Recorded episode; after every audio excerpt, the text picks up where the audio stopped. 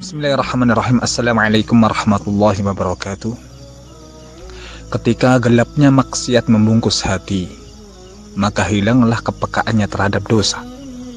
Menjadikannya tawar ketika mengerjakan ketaatan Karena cita rasa manisnya ibadah Hanya dapat dinikmati ketika hati khusyuk Tidak terbelenggu dosa yang menggunung. Sebagaimana disampaikan oleh Utsman bin Affan Lau tahartum qulubakum masyabi'tum min kalami rabbikum. Jikalau seandainya kalian bersihkan hati kalian, maka kalian tidak akan pernah kenyang dari Al-Quran. Jangan-jangan karena dosa, seseorang disusahkan bahkan berat dalam mengerjakan amal ibadah, sehingga istiqomah sukar untuk terwujudkan. Demikian pula segala malapetaka dan kesusahan yang didapatkan itu sangat erat kaitannya dengan dosa yang dilakukan.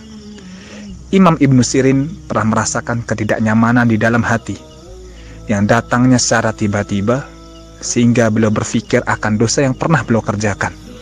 Teringatlah beliau akan dosa pada 20 tahun yang lalu yang pernah beliau lakukan hingga Allah cairkan balasannya berupa rasa kegelisahan dan gundah gulana dalam hati maka berhati-hatilah dengan dosa karena dia memiliki ingatan yang panjang.